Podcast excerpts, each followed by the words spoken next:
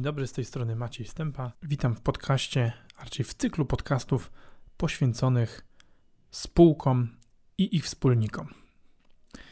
Dzisiaj chciałbym się skupić na temacie relacji między wspólnikami i tego, jak na relacje między wspólnikami wpływają pieniądze. Zazwyczaj, kiedy mówimy o roli finansów w relacjach międzyludzkich, mamy na myśli albo domyślamy się e, jakichś potencjalnych zarzewi konfliktu. No i tak też jest, e, tak też jest tutaj. E, takim, takim pierwszym zarzewiem konfliktu, czy potencjalnym miejscem, gdzie, gdzie możemy się z naszymi wspólnikami spierać, jest kwestia pensji. Druga rzecz to jest kwestia samochodów czy środków transportu i narzędzi. Trzecia rzecz to kwestia małych zakupów robionych y, na konto firmy. Czwarta rzecz to kwestia zakupów robionych na potrzeby rodzin wspólników, czyli ludzi zupełnie niezaangażowanych w samodziałanie przedsiębiorstwa. E, po piąte, jest to zatrudnianie członków rodziny w firmie. E, po szóste, jest to polityka dywidendowa, czyli kiedy, komu i ile i na jakich zasadach. No i po siódme jest to kwestia pożyczek. W kilkuset firmach, którym e, miałem przyjemność doradzać i których działalność miałem e, okazję obserwować, te siedem tematów e, zdarzało się być bardzo poważnym zarzewiem konfliktu. Praktycznie każdy z nich może doprowadzić do zakończenia współpracy, utraty zaufania e, między wspólnikami, no i w związku z tym e, strat finansowych dla wszystkich zainteresowanych. Jak tego uniknąć? No przede wszystkim e, dogadując te tematy a priori, przemyśliwując je i zabezpieczając się przed potencjalnymi konfliktami, w ten sposób, że zanim te sytuacje się pojawią, to przedyskutujemy sobie, jak one powinny e, zostać rozwiązane, kiedy już, kiedy już będą miały miejsce. No i jak można sobie, jak można sobie z tymi rzeczami poradzić? Po pierwsze, e, mamy kwestię pensji, czy wynagrodzeń wspólników. No, wynagrodzenia wspólników e, można do nich podejść na różne sposoby. E, można do nich podchodzić jako do sposobu, e, do sposobu czerpania korzyści z firmy e, i tutaj sobie realizować zyski założone, ale można też potraktować pensje wspólników tak samo jak pensje pracowników. Albo możemy wypłacać pieniądze proporcjonalnie do udziałów w firmie, albo możemy wypłacać pieniądze proporcjonalnie do wkładu albo wartości pracy, albo możemy wypłacać pieniądze porówno. Czyli tak naprawdę y, główne, główne rozgraniczenie to jest wypłacanie porówno albo wypłacanie systemowe. Systemowe, czyli według jak, jakiegoś zestawu zasad. E, wynagradzanie równe ma jedną niezaprzeczalną zaletę, mianowicie w sytuacji, w której e, wspólnicy razem ponoszą trudy i ciężary budowania firmy, zwłaszcza na początku jej istnienia, e, a jednocześnie wkładają różnego rodzaju pracę i różnego rodzaju zaangażowanie, bardzo trudno jest policzyć e, i dokładnie rozliczyć ile warty jest wkład tego czy innego wspólnika i dołożenie pozycji kosztowej polegającej na weryfikacji, ile należałoby zapłacić za daną pracę, jest, a przynajmniej może się wydawać, mało rozsądnym, mało, mało rozsądnym kosztem na tym etapie rozwoju firmy. Co więcej, inwestowanie w, w, w systemy weryfikacji, czy płacenie w ogóle komuś za, e, za weryfikację tego, ile któremu wspólnikowi należy zapłacić pensji, mm, powoduje, że duch walki, czy duch zespołu, esprit de corps, e, który powinien, powinien wszystkich e, za, zaangażowanych zagrzewać i prowadzić do, do, do pracy we wspólnej sprawie, może się osłabiać, no bo ktoś może mieć poczucie, że no on tutaj wypruwa flaki, a przecież większość owoców konsumuje ktoś inny, no bo, bo on zarabia więcej. Trudność z niepłaceniem z kolei systemowo e, jest taka, że jeżeli płacimy, jeżeli płacimy sobie w oparciu o wynagrodzenia równe, no to niestety, to, to, niestety mierzymy się, mierzymy się z innym problemem. Co prawda nie, nie, musimy wyceniać pracy, ale z kolei trzeba znaleźć jakiś system na weryfikowanie, czy, czy dany wspólnik wkłada swoją część.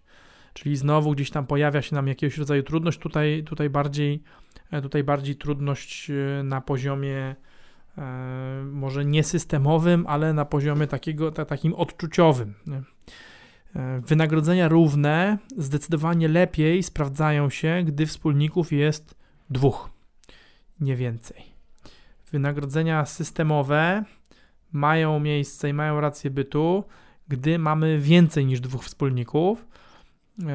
Co więcej, kiedy sposób ich zaangażowania w firmę i sposób ich pracy nie wymaga, nie wymaga takiego samego poziomu zaangażowania od nich. E, w ogóle systemowe wypłacanie ma znacznie więcej sensu e, w bardziej dojrzałej fazie rozwoju przedsiębiorstwa. Na etapie, e, na, etapie, na, którym, na którym przedsięwzięcie jeszcze nie okrzepło i i wszystko ma, wszystko ma cechy pospolitego ruszenia. E, jedną z najważniejszych e, rzeczy czy składowych sukcesu firmy jest zaangażowanie wszystkich ludzi. W związku z tym wszystko to, co zwiększa zaangażowanie e, na tym etapie firmy, służy firmie, wszystko to, co, to, co je ogranicza, może być, może być gwoździem do, do trumny tej firmy na, no teraz może się pojawić pytanie w waszych głowach, czy, czy w związku z tym na późniejszych etapach firmy zaangażowanie pracowników się nie liczy. E, liczy się również, ale są inne rzeczy. Są systemy, są pewne osiągnięcia. E, firma krzepnie, e, w związku z czym nie samym zaangażowaniem wykonuje efekty. Natomiast na, pierwszym, na pierwszych etapach, na wczesnych etapach rozwoju firmy, to tak naprawdę od zaangażowania E, pierwszych jej ludzi, pierwszych jej pracowników, którymi zazwyczaj są wspólnicy. E, zależy to w ogóle, czy firma przetrwa i czy będzie miała szansę e, sięgać po sukces. Niepodważalną zaletą systemu równego jest łatwość liczenia. Oszczędzamy wtedy czas, który należałoby poświęcić na kalkulację, oraz oczywiście oszczędzamy sobie e, demotywację tych, którzy zarabialiby mniej, e, ponieważ, ponieważ dysponujemy wtedy bardzo prostym systemem liczenia, e, w którym każdy dostaje tyle samo. O ile zaangażowanie wspólników jest porównywalne, jest to system na wczesne etapy optymalny. Jakie, jakie są możliwe systemy bardziej skomplikowane. No, może być tak, że pensje są płacone proporcjonalnie do udziału w firmie, no ale pensja, jak ta nazwa wskazuje, jest wynagrodzeniem za pracę.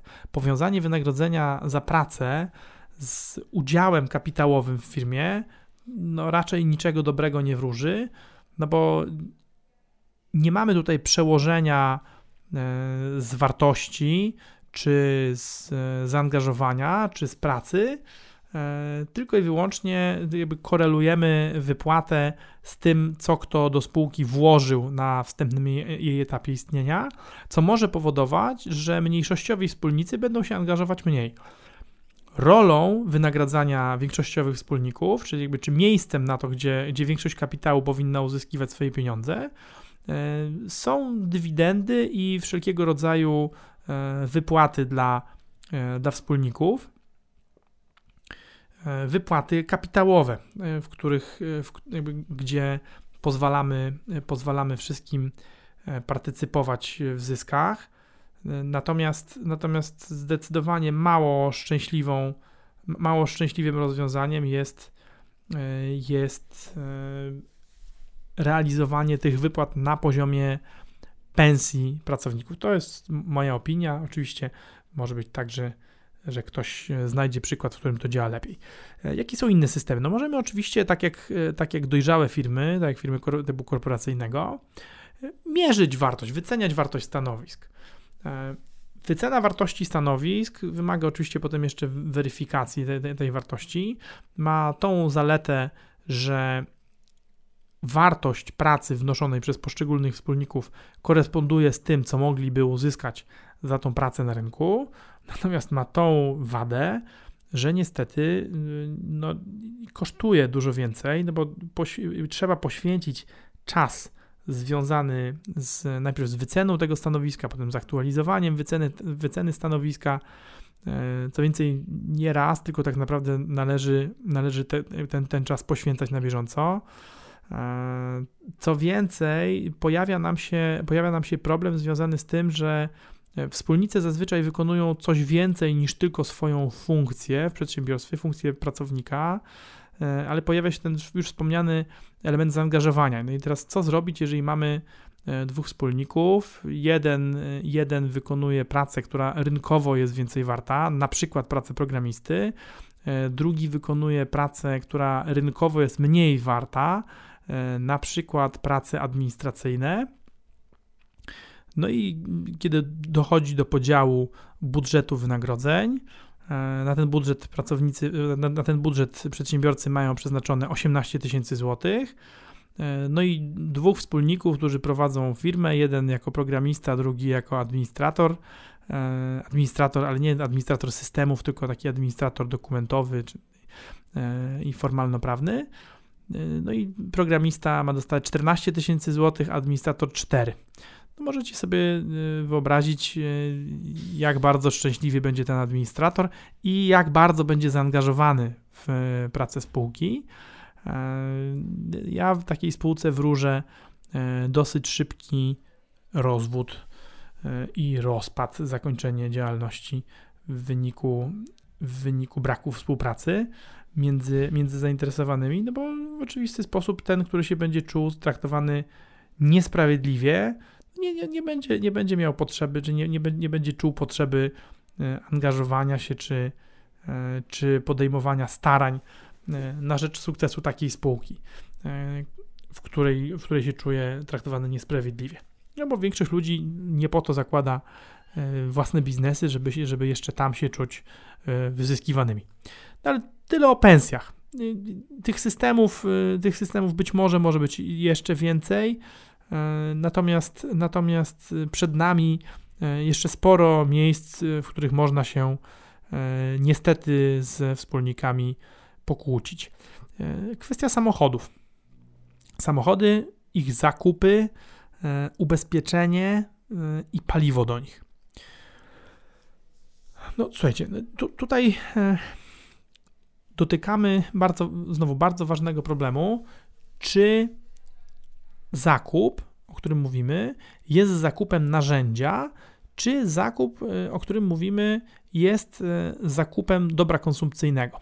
To znaczy, czy wspólnik, który nabywa samochód, potrzebuje tego samochodu do pracy na rzecz spółki, czy też potrzebuje go przede wszystkim do e, realizowania swoich celów osobistych. Czyli innymi słowy, czy ten samochód przez, przez większość swojego czasu będzie jeździł do klientów, czy przez większość swojego czasu będzie jeździł e, do szkoły, przedszkola i centrum handlowego e, po produkty i po dzieci wspólnika.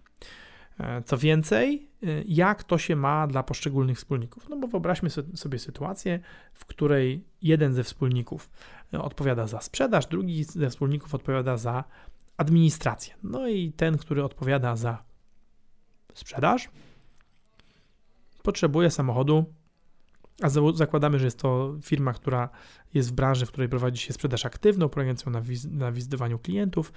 E, no i ten, ten który odpowiada za sprzedaż, no, w sposób y, oczywisty może korzystać jego efektywność na tym, że będzie miał e, sprawne narzędzie. Czyli dla niego samochód jest narzędziem, jest czymś, co, co pomaga mu lepiej, lepiej służyć firmie. Dla kolegi samochód jest również narzędziem, ale nie do zwiększania wyników firmy, tylko do zwiększania komfortu życiowego. No i w takiej sytuacji mamy dosyć, dosyć poważny problem. Czy tacy wspólnicy powinni w kontekście udostępniania im samochodu być traktowani równo? Najprościej jest oczywiście, jeżeli, e, jeżeli dla tego wspólnika, który pracuje samochodem, e, spółka nabywa, wynajmuje e, pojazd tylko i wyłącznie do wykonywania pracy. Natomiast realnie takie scenariusze bardzo rzadko się realizują, no bo jakoś trzeba dojechać do pracy a potem z niej wrócić do domu. Mało kto mieszka bezpośrednio koło biura, a już prawie na pewno nie wszyscy wspólnicy. E, no i może dochodzić do takiej sytuacji, że e, wspólnik, który zajmuje się jeżdżeniem do klientów, e, również jeździ sobie takim samochodem do domu. Wtedy no, pojawia, się, pojawia się problem tego rodzaju, że drugi wspólnik, który zajmuje się innymi rzeczami w spółce i do pracy w spółce samochodu nie potrzebuje, e, no ma takie poczucie, że tamten jeździ do domu, on też by chciał jeździć do domu. No i niestety oczywiście e, widzimy, widzimy to, co e, widzieć chcemy, czyli widzimy to, że dzieje nam się niesprawiedliwość, to znaczy, że ktoś dostaje coś, a ja nie. No i w związku z tym, no i w związku z tym e, ten wspólnik, który, e, który nie potrzebuje co prawda samochodu, też oczekuje, że ten samochód do e, swojego użytku osobistego otrzyma, no bo przecież jego kolega tenże samochód otrzymuje. To nie jest prawdopodobnie optymalna sytuacja. Tak samo nieoptymalna jest sytuacja taka, w której oczekujemy na przykład od wspólnika, który który zajmuje się sprzedażą, że będzie e, za darmo udostępniał swój pojazd prywatny i będzie go zużywał. No bo y, mamy, to, pamiętam przykład takiej firmy, e, firma eventowa, trzech wspólników, dwóch zajmowało się, zajmowało się logiko, logistyką i administrowaniem, y, zatrudnianiem eventowców, E, dostarczaniem produktu, a e, trzeci wspólnik zajmował się handlem. No i ten trzeci wspólnik e, używał swojego samochodu prywatnego do realizowania zadań firmy. Firma co prawda zwracała mu koszty paliwa, no ale nie zwracała mu kosztów związanych ze zużyciem pojazdu i wynikającymi wynikającymi z tego naprawami. Co, co, to, co to de facto oznacza? To de facto niestety oznacza, że y, spółka w sposób niebezpośredni zmuszała jednego ze swoich wspólników do dodatkowych inwestycji. Jak to rozwiązać? No, za każdym razem oczywiście rozwiązanie, rozwiązanie jest inne i zależy od y, szczegółowej sytuacji.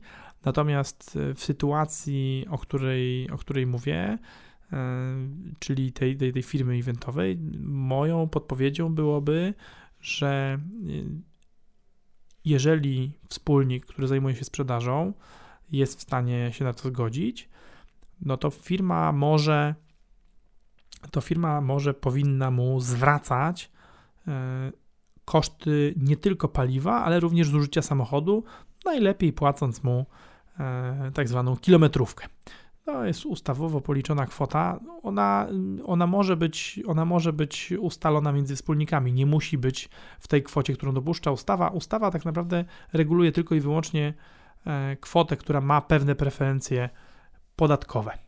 Duperele, zakupy e, kupowane mm, na rzecz firmy, ale tak naprawdę e, dla przyjemności, zabawy albo z jakiegoś rozpędu wspólników książki niezwiązane z biznesem firmy, e, urządzenia elektroniczne, słuchawki, narzędzia, urządzenia, które nie służą bezpośrednio interesowi firmy, to bywa niestety problem. Zwłaszcza wspólnicy, którzy mają bezpośredni dostęp do gotówki, czasami ulegają pokusie kupowania mm, tego rodzaju, tego rodzaju gadżetów, na swoje potrzeby, pozornie spełniając potrzeby, potrzeby firmy. E, no, ten przy, w tym przypadku sprawa wydaje mi się stosunkowo jasna. Ja namawiałbym, namawiałbym wspólników do tego, żeby umówili się, że, że, takich, zakupów, że takich zakupów nie robią. No i w jaki sposób, w jaki sposób to, to operacyjnie rozegrać? Najlepiej ten problem rozwiązać w ten sposób, że wszelkie zakupy są budżetowane i nie wolno wykonywać e, ad hocowych, emocjonalnych zakupów w ogóle. Więc ucinamy problem, ucinamy problem przy podłodze i w ogóle nie musimy się z nim mierzyć. Zakupy dla rodziny. Wow. To jest plaga wielu firm. E, wspólnicy umawiają się na to, że można kupować na przykład telefony dla żon. To jest prosto, no, prawo polskie pozwala mieć jedną żonę. No ale co jeżeli wspólnicy umawiają się na przykład, że można kupić telefon dla dzieci? Jeden ma dwoje dzieci, drugi ma czworo dzieci. No i jak tu się teraz umówić? Czy równość, czy, czy na równość kwoty, czy na równość kwoty per dziecko? Czy ja chcę odpowiadać za to, ile dzieci ma mój wspólnik, czy nie? No to są rzeczy, które zdecydowanie należy ustalić w konstytucji wspólników, po to, żeby później się nie obrazić. Dlaczego? Dlatego, że tego rodzaju zakupy, podobnie jak zakupy tych wcześniej wspomnianych dupereli w cudzysłowie, e, to są rzeczy tak naprawdę mało znaczące finansowo, ale za to bardzo znaczące emocjonalnie i bardzo mogące obniżać komfort psychiczny ze współpracy z danym wspólnikiem e, i obniżać zaufanie do jego osoby w oparciu o to właśnie, że no zobaczcie, przez 5 lat kupował swoim dwóm córkom e, i jednemu synowi abonament, a ja mam tylko dwóch synów i kupowałem im, kupowałem im dwa abonamenty telefoniczne. Przez, przez 5 lat nazbierała się astronomiczna kwota 6 tysięcy złotych różnicy w naszej wielomilionowej spółce. A skoro nie mogę mu ufać w takim obszarze, to czy mogę mu ufać w innym? Czy przypadkiem nie okradał mnie we wszystkim? Tego rodzaju paranoiczne myśli e, pojawiają się, jeżeli sprawa jest niejasna. W ogóle niejasność niedopowiedzenia są, e, są przestrzenią, e, w której pojawia się najwięcej niepotrzebnych konfliktów. Dziwaczną cechą e, ludzkiego gatunku jest to, że łatwiej jest nam nie poprosić o coś i mieć pretensje, że żeśmy tego nie dostali, niż poprosić i dostać. Podobnie, podobnie, jest, podobnie jest e, z tego, rodzaju, e, z tego rodzaju historiami czy wydatkami. Łatwiej jest nam ignorować istnienie problemu, niż e, a potem mieć pretensje o to, że ktoś, że ktoś postąpił w jakiś sposób, mimo że nie zostało to ustalone, nie jest to zakazane, niż ustalić z góry zasady. Ale na szczęście, na szczęście są są ludzie tacy jak ja na przykład, którzy namawiają was do tego, żeby jednak te, te kwestie między sobą uregulować. Zakupy dla rodziny. E, ale, ale jeżeli już jesteśmy przy rodzinie, to jeszcze ciekawszą historią jest zatrudnianie rodzin. Oja. Tutaj firmy potrafią, y, potrafią przechodzić przez, przez naprawdę bardzo poważne problemy, bo zatrudnianie członków rodziny może rodzić dwa rodzaje problemów. Czy może rodzić znacznie więcej, ale dwa takie bardzo poważne. Jeden rodzaj to, e, to jest tak naprawdę no, tworzenie pozornego pracownika, który bierze pieniądze, ale nie wykonuje pracy. E, I w takiej sytuacji no, tak naprawdę należałoby traktować e, tak naprawdę należałoby traktować wynagrodzenie tego, tego członka rodziny, zwłaszcza jeżeli to jest bezpośrednia rodzina, no, jako, jako część wynagrodzenia danego wspólnika. E, natomiast drugi rodzaj problemu, e, to, i to jeszcze bardziej niebezpieczny, e, to są niekompetentni członkowie rodzin, którzy dołączają do struktury organizacji na stanowiskach, do pełnienia których zupełnie nie są przygotowani. Oczywiście zazwyczaj z dobrym wynagrodzeniem, ale czasami nawet bez dobrego wynagrodzenia. Natomiast, natomiast z intencją robienia czegoś, do czego w ogóle nie są przygotowani. E, no i potem pojawienie się takiego członka rodziny dewastuje efektywność e, pracowników, no, którzy są zrozpaczeni tym, że oni mimo swojej dzielnej służby na rzecz firmy no, nie dostali szansy awansu na takie stanowisko, a przychodzi dziewczyna, żona, brat, szwagier szefa czy jednego z szefów i przejmuje takie stanowisko, a potem jeszcze niekompetentnie je wykonuje, drażni ludzi, demotywuje, powoduje, że ludzie chcą się że ludzie chcą się zwalniać. Wydaje mi się, że, to, żeby, że ta sytuacja jest, jest nawet bardziej niebezpieczna niż zatrudnianie ludzi mało kompetentnych, którzy nie przeszkadzają i tego po prostu sobie biorą te pieniądze. Oczywiście ta, ta, sytua- ta, ta, ta sytuacja z zatrudnianiem ludzi, którzy nie wykonują swojej pracy, e, jest nieprzyjemna i nadszarpuje, nadszarpuje zaufanie, ale zdecydowanie nie tak bardzo jak, e, jak rodzina wspólnika, która e, miesza się w zarządzanie firmą i przynosi jej realne straty. I teraz, co zrobić z tym zatrudnieniem rodzin? No, znowu, tak naprawdę Jedynym rozwiązaniem jest to, żebyśmy się umówili z góry na zasady dotyczące zatrudniania rodzin. E, moim zdaniem najlepiej, e, jeżeli e, najlepiej jest, jeżeli członków rodziny danego wspólnika dany wspólnik nie ma prawa zatrudnić osobiście. Może to się odbyć tylko i wyłącznie drogą normalnej rekrutacji i, i to raczej takiej, za którą odpowiedzialny będzie ten drugi wspólnik. To znaczy, jeżeli w wyniku tej rekrutacji e, osoba e, będąca członkiem rodziny drugiego wspólnika uzyska e, najlepsze możliwe rezultaty i będzie gotowa pracować za najmniej obciążającą e, dla firmy pensję w, od, w porównaniu do kompetencji. Znaczy nie musi być najtańsza, ale ma, być, ma mieć najlepszy stosunek jakości do ceny, no to traktujemy tą osobę tak samo jak, e, jak każdego innego wspólnika. Czy to zrodzi problemy? Tak, oczywiście, że zrodzi.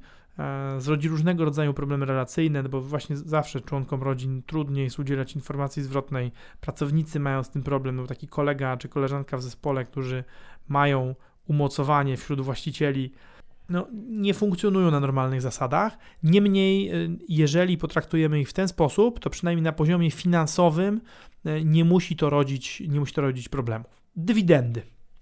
W oczywisty sposób wspólnicy, którzy nie są zaangażowani w bezpośrednie działanie spółki, są najbardziej zaangażowani dywidendą i tym, żeby była jak najwyższa, jak najczęściej wypłacana. Natomiast wspólnicy zaangażowani w bezpośrednie działanie spółki mogą lubić dywidendę, natomiast mają wiele innych sposobów na czerpanie korzyści z firmy i w związku z tym e, wypłacanie dywidendy nie zawsze będzie zgodne z ich interesem. Dlaczego tak mówię? No wyobraźmy sobie sytuację, e, w której mamy dwóch wspólników, jeden ma 10% spółki, drugi 90%. E, ten, który ma 10% e, jest jednoosobowym zarządem i jednym z pracowników spółki. Ten, który ma 90% w spółce nie pracuje. No i załóżmy jeszcze, że mamy tak skonstru skonstruowaną umowę, że ten, który ma 90, nie może bezpośrednio wykorzystać swojej przewagi w głosach, żeby, żeby przymusić spółkę do wypłaty dywidendy. No, w oczywisty sposób ten, który ma udziały, a nie pracuje, no jest zainteresowany wypłatą dywidendy, ponieważ to będzie jego główne źródło korzyści z tytułu posiadania spółki. E, ten, który ma 10% udziałów, zdecydowanie będzie wolał, e, żeby pieniądze były pożytkowane na inne sposoby, albo w postaci wypłaty jego wynagrodzenia jako członka zarządu, albo w postaci wypłaty premii, na którą być może też się załapie, albo w postaci zakupu narzędzi dla niego i dla innych pracowników, albo w postaci rozwijania firmy, e, które, e, które doprowadzi do tego, że firma będzie większa i bardziej wartościowa, co z kolei da jemu, jako menedżerowi tej firmy, widzialność i rozpoznawalność, którą będzie można przekuć na przykład na lepszą spółkę e, z lepszymi warunkami finansowymi zawieraną w przyszłości. Z tego powodu politykę dywidendową zdecydowanie warto również przedyskutowywać na samym początku przy, przy spółki, zwłaszcza wtedy, kiedy nie mamy do czynienia ze wspólnikami, którzy razem prowadzą biznes, tylko z bardzo różnymi rolami udziałowców. Może mamy udziałowców, którzy nie zarządzają spółką, mamy menedżerów, którzy mają udziały e, i to jeszcze różnej wysokości.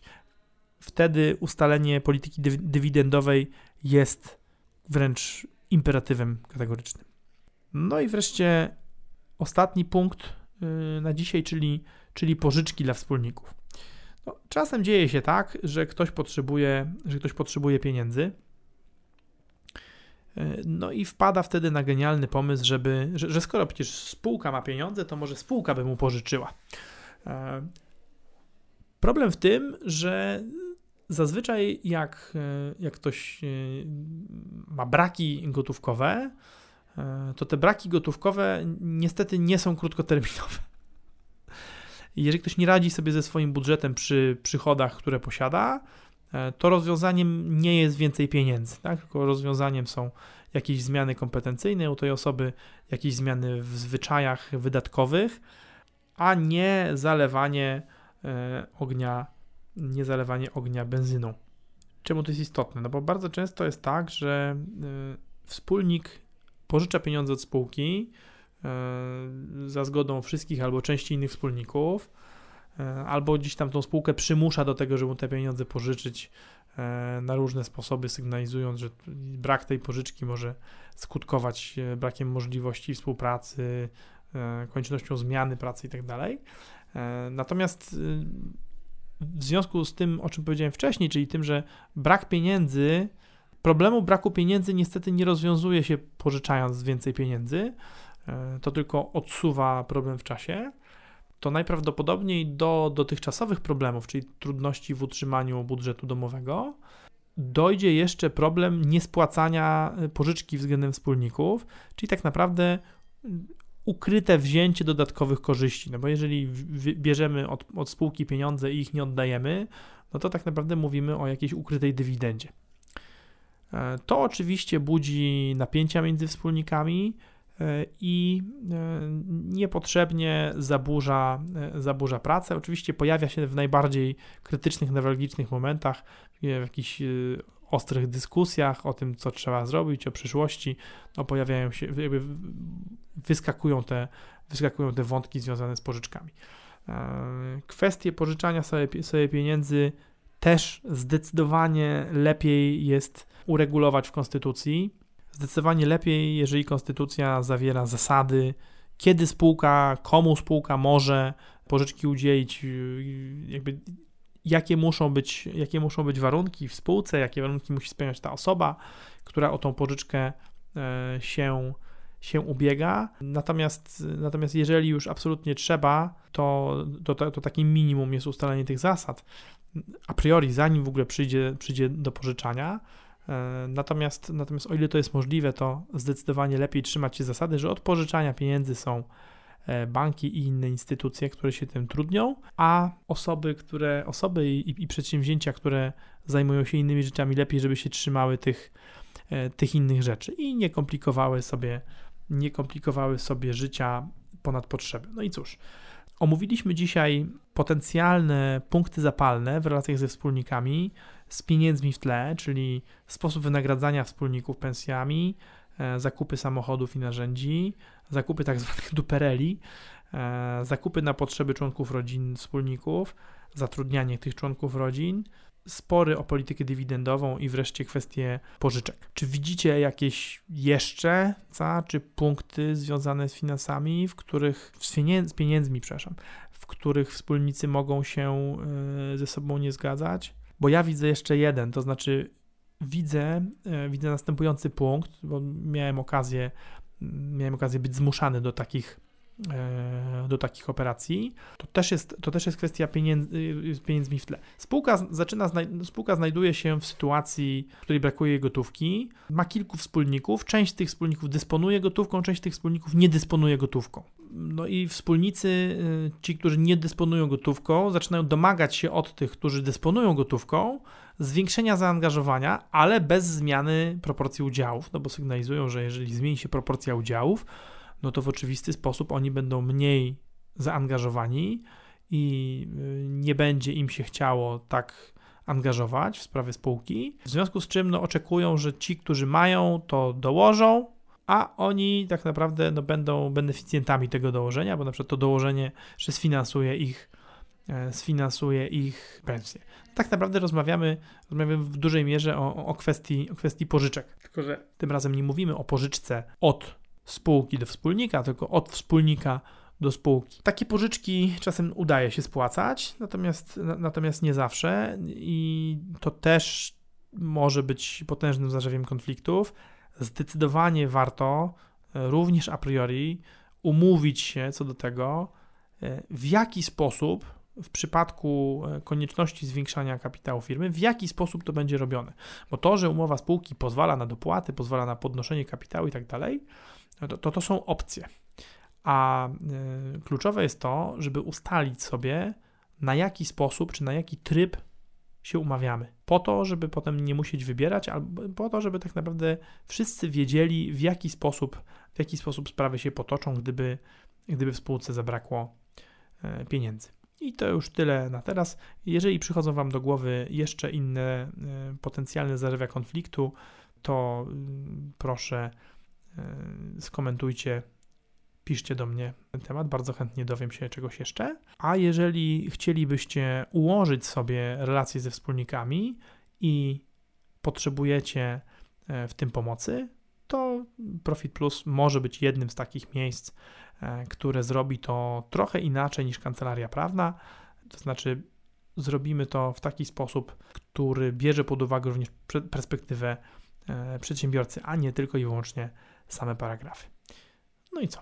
Dzięki za uwagę.